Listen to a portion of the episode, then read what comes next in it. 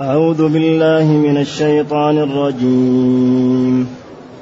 بديع السماوات والأرض وإذا قضى أمرا فإنما يقول له كن فيكون. وقال الذين لا يعلمون لولا يكلمنا الله أو تأتينا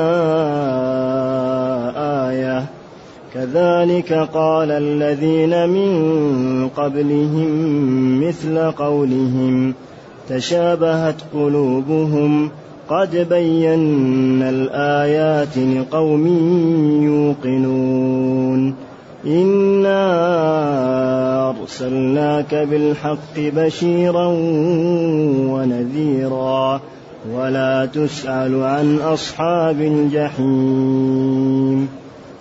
اقرأ. ولن ترضى عنك اليهود ولا النصارى حتى تتبع ملتهم. قل إن هدى الله هو الهدى ولئن اتبعت أهواءهم ولئن اتبعت أهواءهم بعد الذي جاءك من العلم ما لك. ما لك من الله من ولي ولا نصير. الذين آتيناهم الكتاب يتلونه حق تلاوته أولئك يؤمنون به ومن يكفر به فأولئك هم الخاسرون. يا بني إسرائيل اذكروا نعمتي التي أنعمت عليكم وأني فضلتكم على العالمين. واتقوا يوما لا تجزي نفس عن نفس شيئا ولا يقبل منها. ولا يقبل منها عدل ولا تنفعها شفاعة ولا هم ينصرون. وإذ ابتلى إبراهيم ربه بكلمات فأتمهن. فأتمه فأتمهن. قال إني جاعلك للناس إماما. قال ومن ذريتي؟ قال لا ينال عهد الظالمين. الحمد لله الذي أنزل إلينا أشمل كتاب وأرسل إلينا أفضل الرسل وجعلنا خير أمة أخرجت للناس. فله الحمد وله الشكر على هذه النعم العظيمة والآلاء الجسيمة. والصلاة والسلام على خير خلق الله وعلى آله وأصحابه ومن اهتدى بهداه.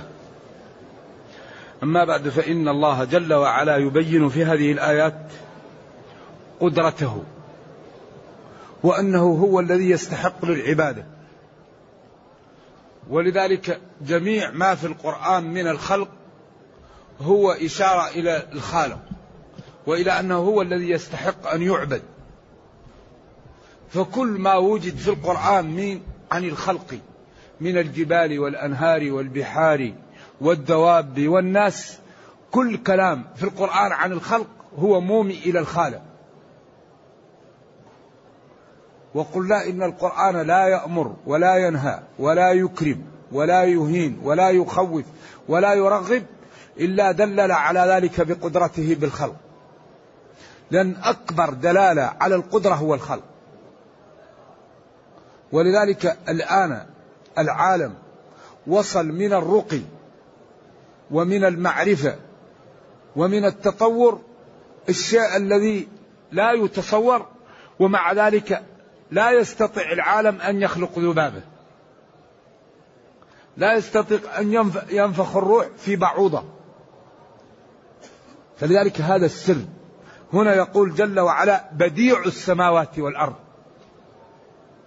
بديع مبدعهما. والبديع الموجد على غير مثال سابق. لا أنا الذي ابتدعته لأنني أنا الذي بدأت بذلك. والسماوات هذا الجرم الذي يرى وما يقوله العلم الحديث هو محدود بأدلة صريحة صحيحة.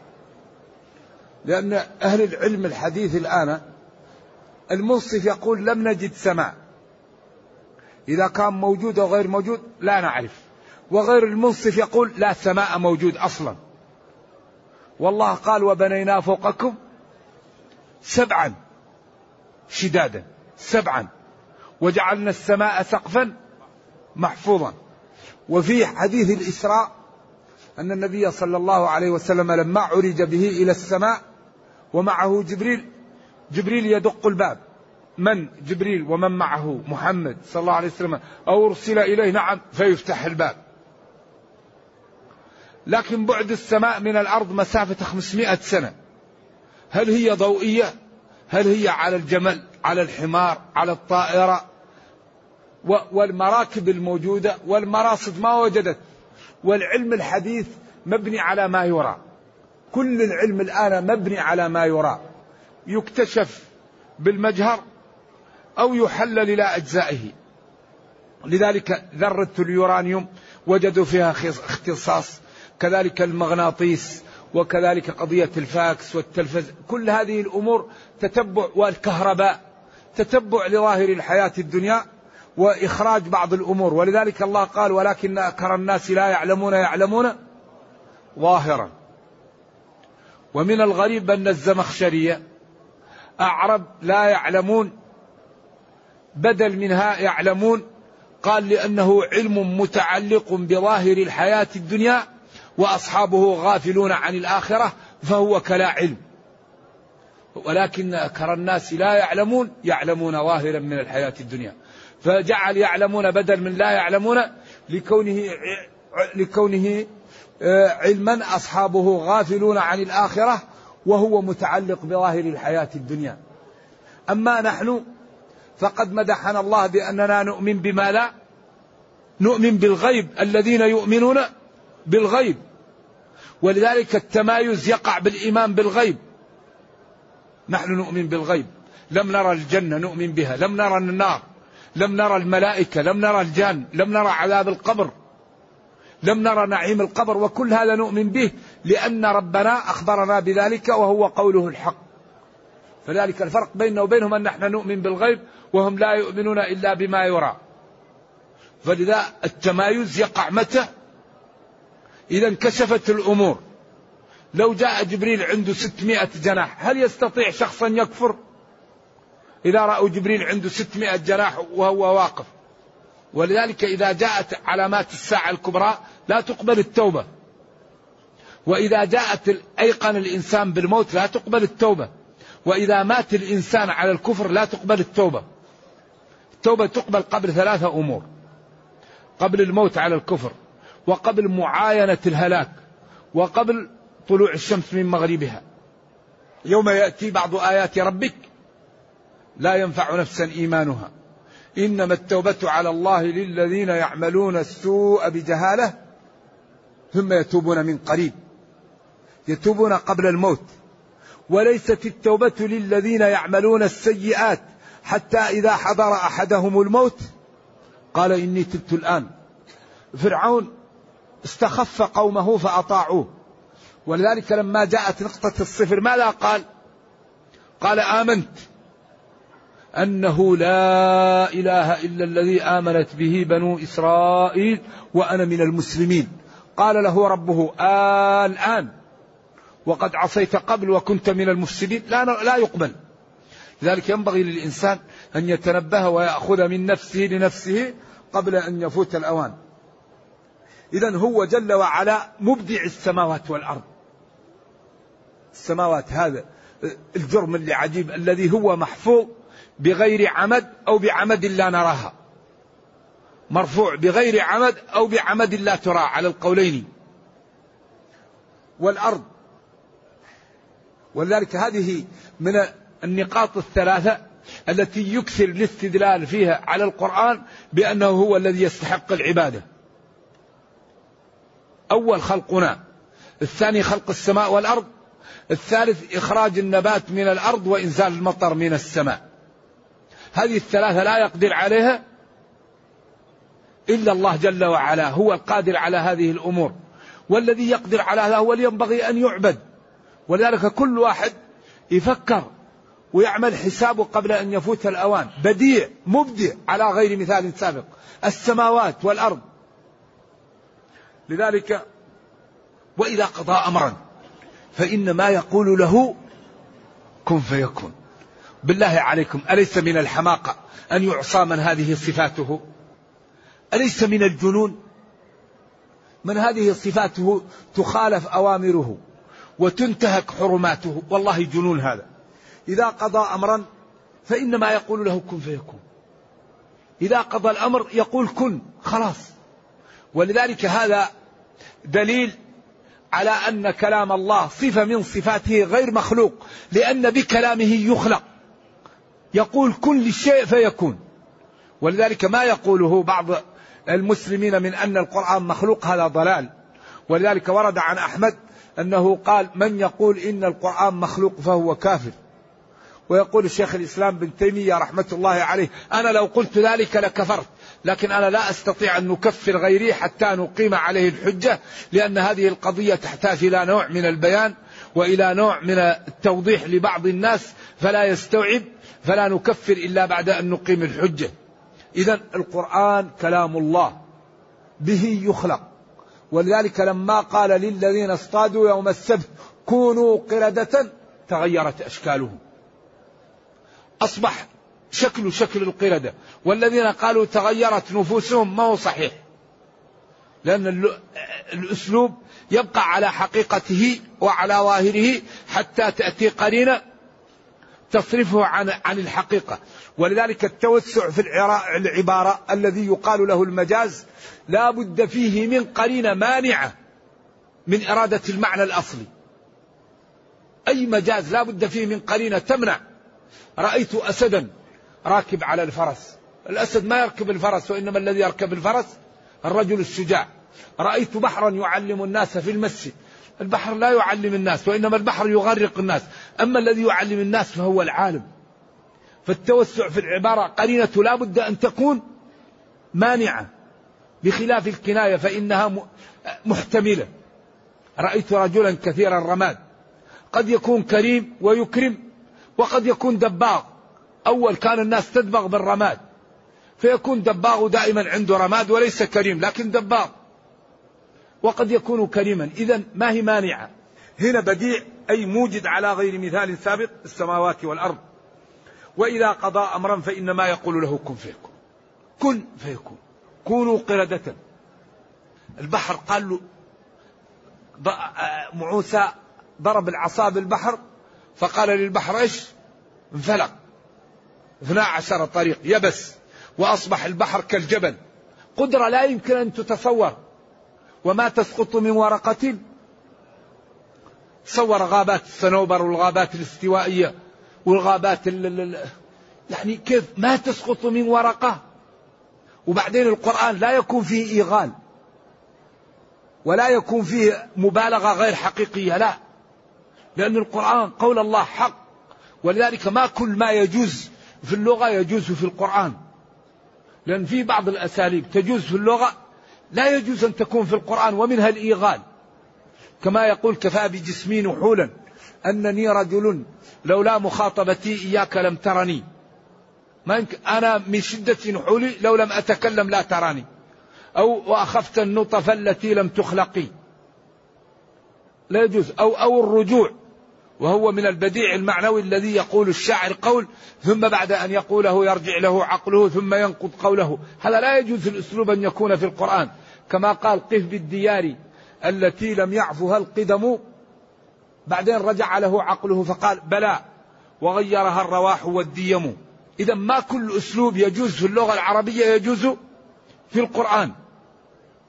هو بلسان عربي مبين لكن بعض الأساليب التي تكون فيها إيغال أو يكون فيها كلام كذب أو يكون فيها نوع من الرجوع هذا لا يجوز أن نقول إنه في القرآن. إذا ما كل ما يجوز في اللغة العربية يجوز في القرآن.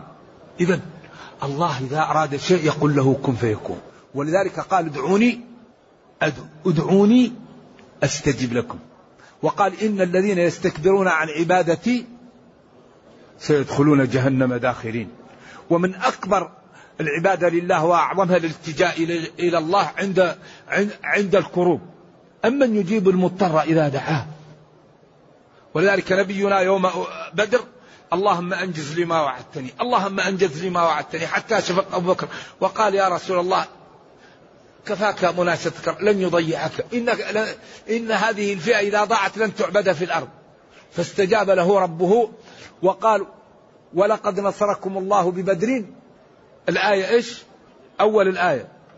ولقد نصركم الله. الآية الآية ما هي؟ لقد نصركم الله ببدر وأنتم أذلة. أنتم أذلة جملة حالية. نصركم في حال ضعفكم.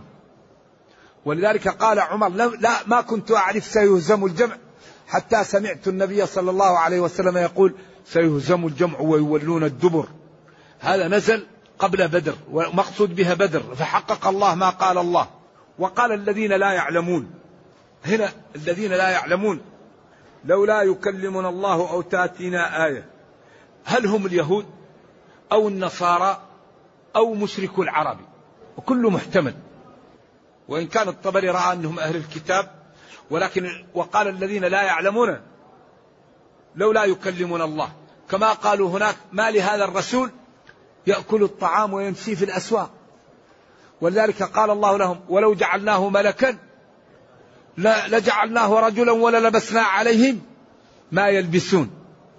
وقالوا هؤلاء لولا هنا هلا لأن لولا تأتي تحضيضية ولولا تأتي حرف امتناع لوجود.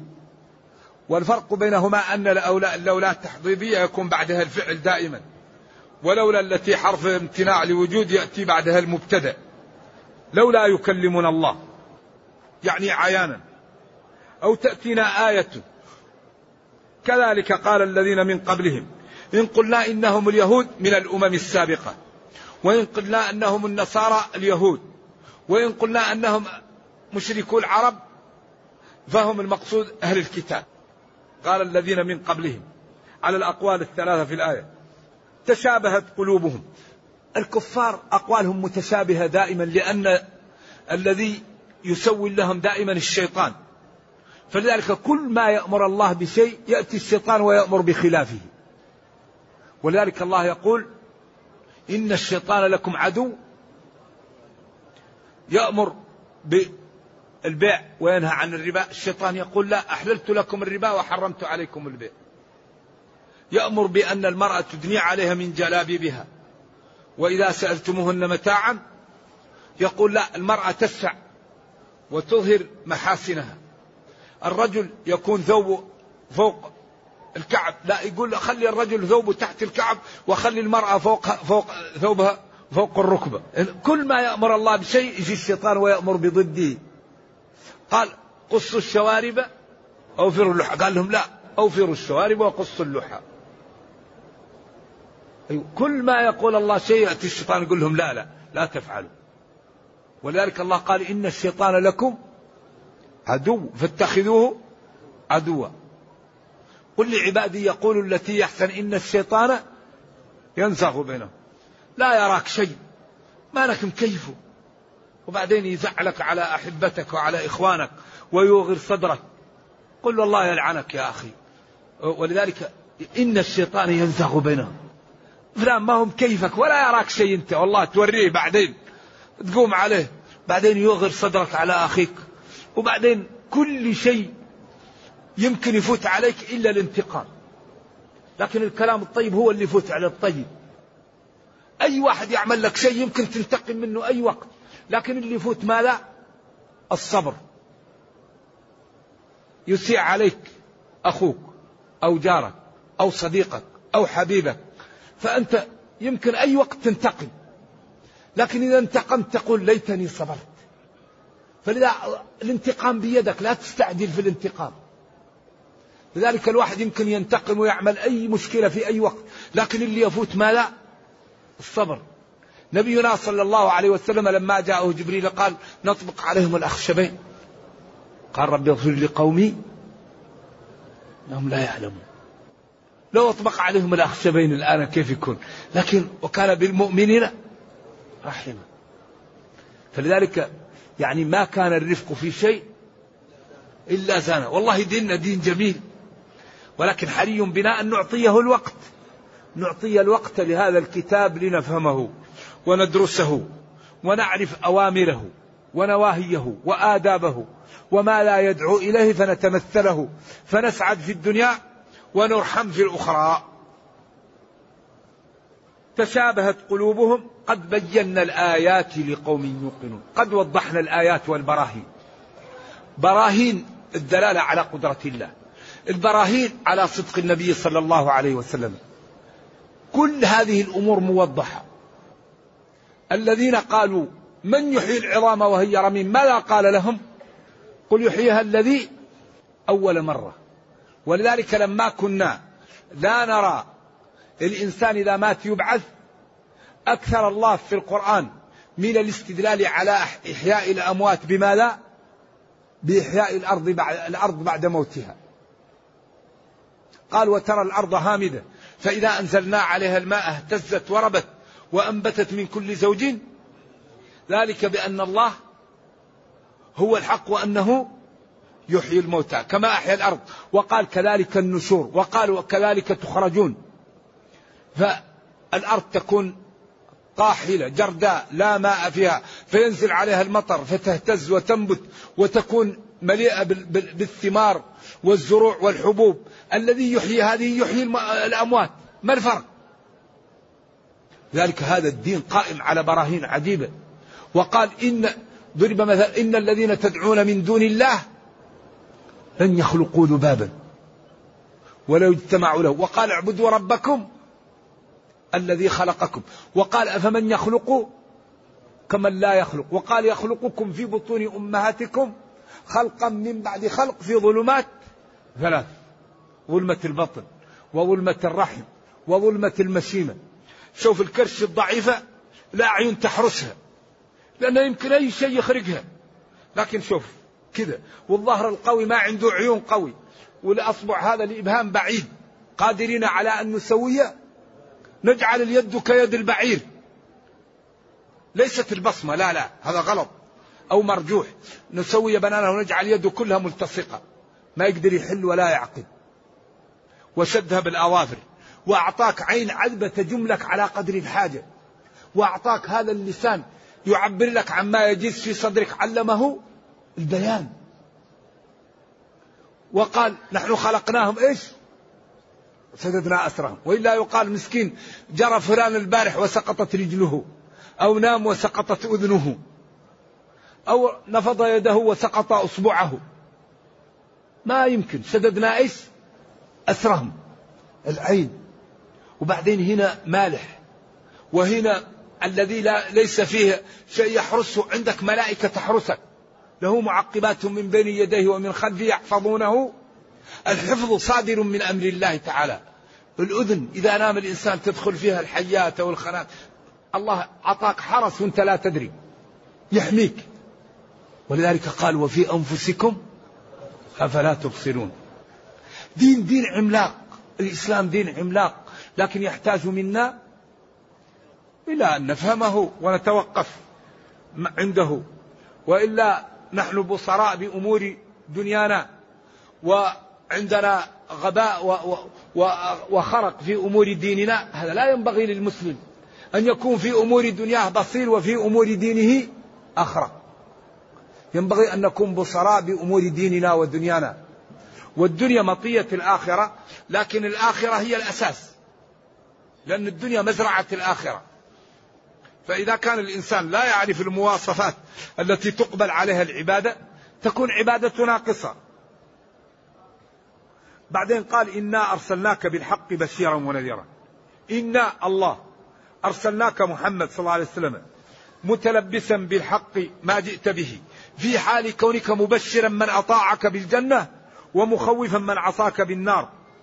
ولا تسأل ولا تسأل ولا تسأل يعني غير مسؤول أو غير سائل أو لا تسأل نهي. إذا كانت خبر تكون حال بعد حال. إنا أرسلناك بالحق بشيرا ونظيرا غير مسؤول أو غير سائل عن هؤلاء.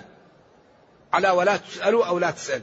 أو إنا أرسلناك بالحق بشيرا ونذيرا ولا تسأل عن أصحاب الجحيم لأن أمرهم سيتبين يوم القيامة أو لأنهم ارتكبوا من الخطر ومن الموبقات ما به لا ينبغي أن يسأل عنهم لأنهم أوقعوا أنفسهم في الهلكة. إذا إذا إنا أرسلناك بالحق بشيرا ونظيرا غير مسؤول أو غير سائل أو لا تسأل عن أصحاب الجحيم تكون نهي. وهذا نوع من التسلية للنبي صلى الله عليه وسلم كما قال له عفى الله عنك لما أذنت لهم.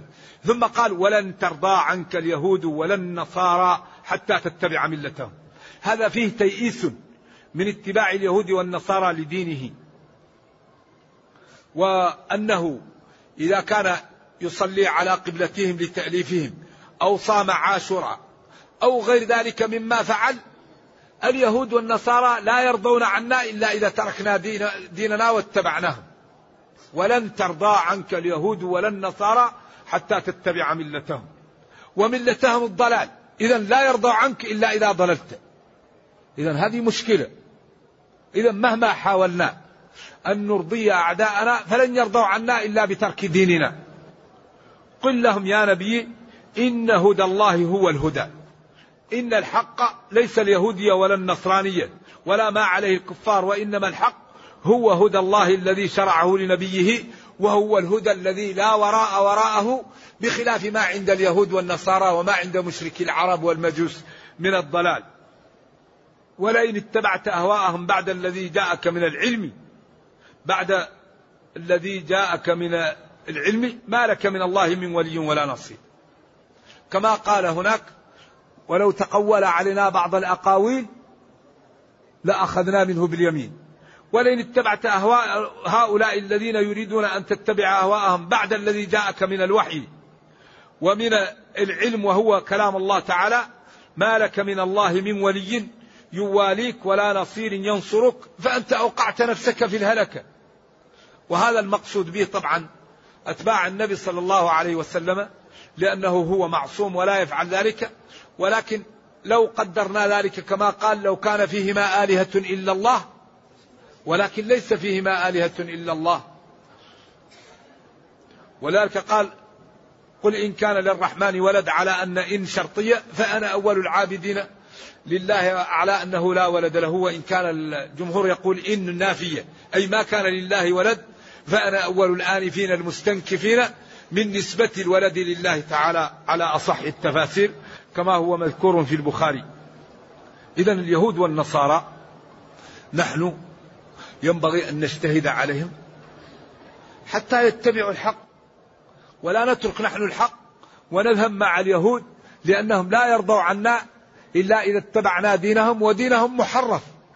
دين اليهود والنصارى محرف ومنسوخ لأن الله تعالى قال ومهيمنا عليه وقال إنا أرسلناك وأرسلناك للناس كافة. في سورة الأنعام إيش الآية؟ وأوحي إلي هذا القرآن لأنذركم به ومن بلغ. والله لا يسمع بي يهودي ولا كافي ولا نصراني ولا يؤمن إلا دخل النار. لذلك هذا الدين رفع الأديان السابقة.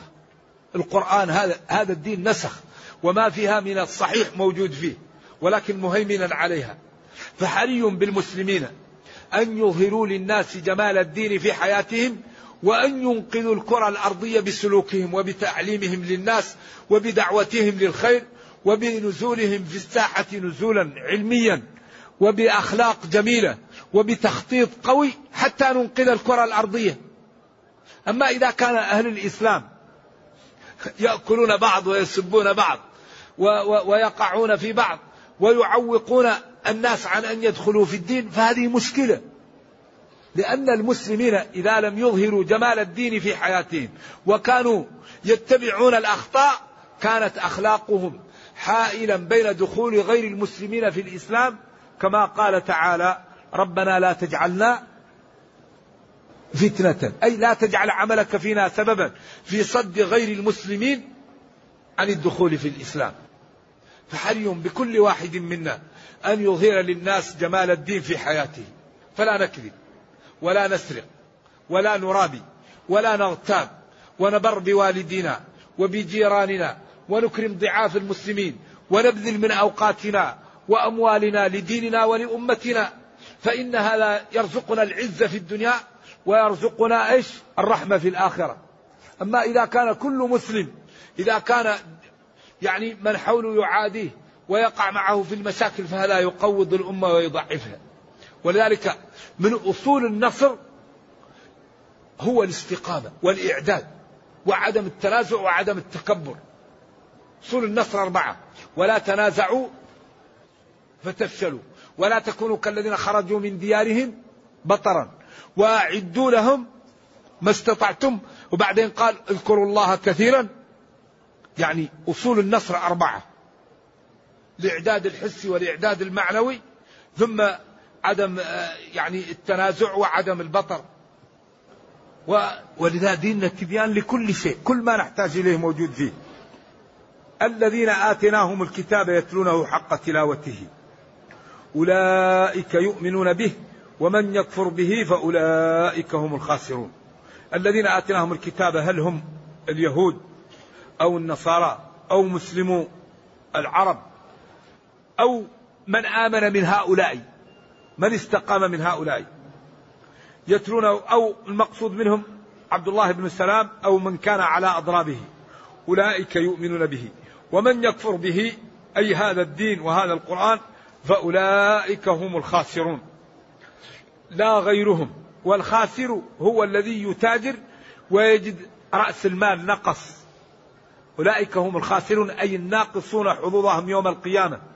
ولذلك من أكبر الخسارة أن يضيع العاقل رأس ماله الذي هو عمره فلا يشتغل فيه للجنة ولا يشتغل فيه لأن يحمي نفسه من النار ويوم القيامة يدخل جهنم. ولذلك قال جل وعلا قل إن الخاسرين الذين خسروا أنفسهم وأهليهم يوم القيامة ألا ذلك هو الخسران المبين. لهم من فوقهم ظلل من النار ومن تحتهم ظلل. وقال يوم يجمعكم ليوم الجمع ذلك يوم التغابن. الدنيا ما فيها تغابن لكن التغابن والتفاضل يكون يوم القيامة. إذا يقول جل وعلا الذين آتيناهم الكتاب سواء كانوا من اليهود أو النصارى أو من العرب أو من جميعهم الذين استقاموا أولئك يؤمنون بالقرآن وبالنبي صلى الله عليه وسلم ومن يكفر به من كل الأحزاب فأولئك هم الناقصون حظوظهم. ثم قال يا بني إسرائيل اذكروا نعمتي أي نعمي التي أنعمت عليكم. وأني فضلتكم على عالم زمانكم. أما أمة محمد صلى الله عليه وسلم فهي خير الأمم. كذلك وكذلك جعلناكم أمة وسطا خيارا.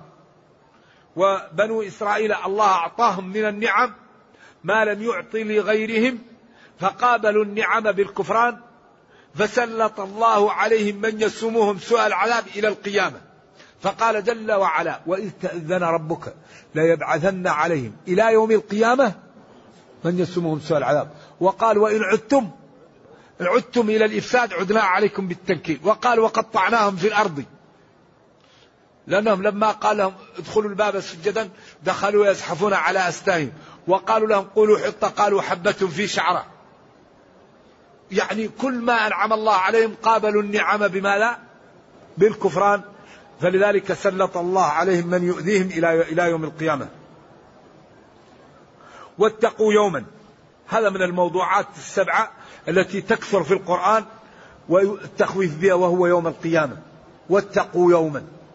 أي يوما عظيما. لا تجزي فيه نفس عن نفس شيئا. ولا يقبل فيها. أي يقبل فيه في هذا اليوم من, من النفس عدل. ولا تنفع فيه في هذا اليوم شفاعة. ولا هم فيه ينصرون. إذا هذه الصفات صفات اليوم. ولذلك يوم القيامة هذا يوم له ما بعده. يجعل الولدان شيبا. يوم تذهل كل مرضعة عما أرضع. يوم لا تسمع إلا همسا يوم يفر المرء فيه من أخيه وأمه وأبيه. فلذا يكثر في القرآن التخويف بهذا اليوم. لأنه مقداره خمسين ألف سنة. فينبغي لكل عاقل أن يعد نفسه لهذا اليوم. ثم قال جل وعلا لما ذكر الكعبة وذكر هذه الأمور انجر الكلام إلى إبراهيم لأنه هو الذي بنى الكعبة وهو أبو الأنبياء وبأخص من العرب. ثم قال وإذ ابتلى إبراهيم ربه بكلمات. وإذ ابتلى إبراهيم ربه. هنا قدم المفعول لأنه هو المنصب إليه الكلام. ولذلك في اللغة العربية يقدم المهم, المهم عند هذا. وإن كان الرب أهم كل شيء لكنه معروف أنه هو الذي يبتلي وهو الخالق وهو الرازق. فلذلك قدم المفعول لأن الكلام منصب إلى ذلك. والابتلاء هو الاختبار والامتحان. وقد يطلق الابتلاء على نتيجة الرسوب وعلى الرسوب وعلى الامتحان. مثلا الطالب يختبر فالاختبار يطلق عليه الابتلاء. والرسوب في المدرسة يطلق عليه الابتلاء والطرد من المدرسة يطلق عليه الابتلاء. إذا إرسال الرسل ابتلاء والكفر ابتلاء ودخول جهنم ابتلاء. نرجو الله السلام والعافية. نعم. إبراهيم ربه بكلمات هذه الكلمات اختلف فيها. قيل عشر في التوبة وعشر في الأحزاب وعشر في قد أفلح المؤمنون أو سأل سائل. اللي في التوبة التائبون العابدون الحامدون السائحون الراكعون الساجدون الآمرون بالمعروف الناهون عن المنكر والحافظون لحدود الله وبشر المؤمنين. والتي في الأحزاب المسلمون والمسلمات والمؤمنون والمؤمنات والقانتين والقانتات والصادقين والصادقات والصابرين والصابرات والخاشعين والخاشعات والحافظين فروجهم والحافظات والذاكرين الله كثيرا والذاكرات. والتي في قد أفلح المؤمنون المؤمن قد أفلح المؤمنون الذين هم في صلاتهم خاشعون والذين هم عن اللغو معرضون. إلى آخره. إذا ابتلي بهذا بهذه الكلمات فأتمهن. والكلمات جمع كلمة. والكلمة تقال ل... ل... ل... ل... للكلام. وكلمة بها كلام قد يؤم. كلا إنها كلمة هو قائلها. رب ارجعون لعلي أعمل صالحا فيما تركت نعم. ابتلاه بكلمات اختبره بها فأتمهن. وقيل هو ابتلاؤه بأمره بذبح ابنه. قال تعالى إن هذا لهو البلاء المبين. رجل كبير ويملك ولد واحد. وقال يا بني إني أرى في المنام أني أذبحك. ورؤيا الأنبياء حق وحي. قال له يا أبت افعل ما تؤمر ستجدني إن شاء الله. بعدين فلما أسلما كل منهم أسلم لله وتله للجبين. يعني ابتلاء لا مثيل له. واحد يقال له خذ ولدك قبل أن بدأ يساعدك في الحياة وهو وحيد عندك خذه واذبحه يا إبراهيم قد صدقت الرياء. إنا كذلك نجزي المحسنين إن هذا لهو البلاء المبين. هل يعقل هذا؟ يعني أعز شيء في الدنيا الولد. يقال له أذبحه. إذا قال سمعا وطاعة. أمر بالسنن الفطرة فقال سمعا وطاعة. أمر بالهجرة فقال سمعا وطاعة. أمر ببناء البيت فقال سمعا وطاعة. أمر بأن يترك ابنه وزوجه ويذهب فقال سمعا وطاعة. إذا وإذ ابتلى إبراهيم ربه بكلمات فأتمهن. قام بما كما قال وإبراهيم الذي وفى. قال إني جاعلك للناس إماما. أي يؤتم بك ويقتدى بك. قال إبراهيم ومن ذريتي. قال الله لا ينال عهدي الظالمين ومن ذريتك ما هو ظالم فالظالم منهم لا يكون له العهد. إذا هذا ونرجو الله جل وعلا أن يوفقنا وإياكم لما يحبه ويرضاه وأن يجعلنا جميعا من المتقين إنه خير مسؤول والقادر على ذلك. وصلى الله وسلم وبارك على نبينا محمد. وعلى آله وصحبه والسلام عليكم ورحمة الله وبركاته.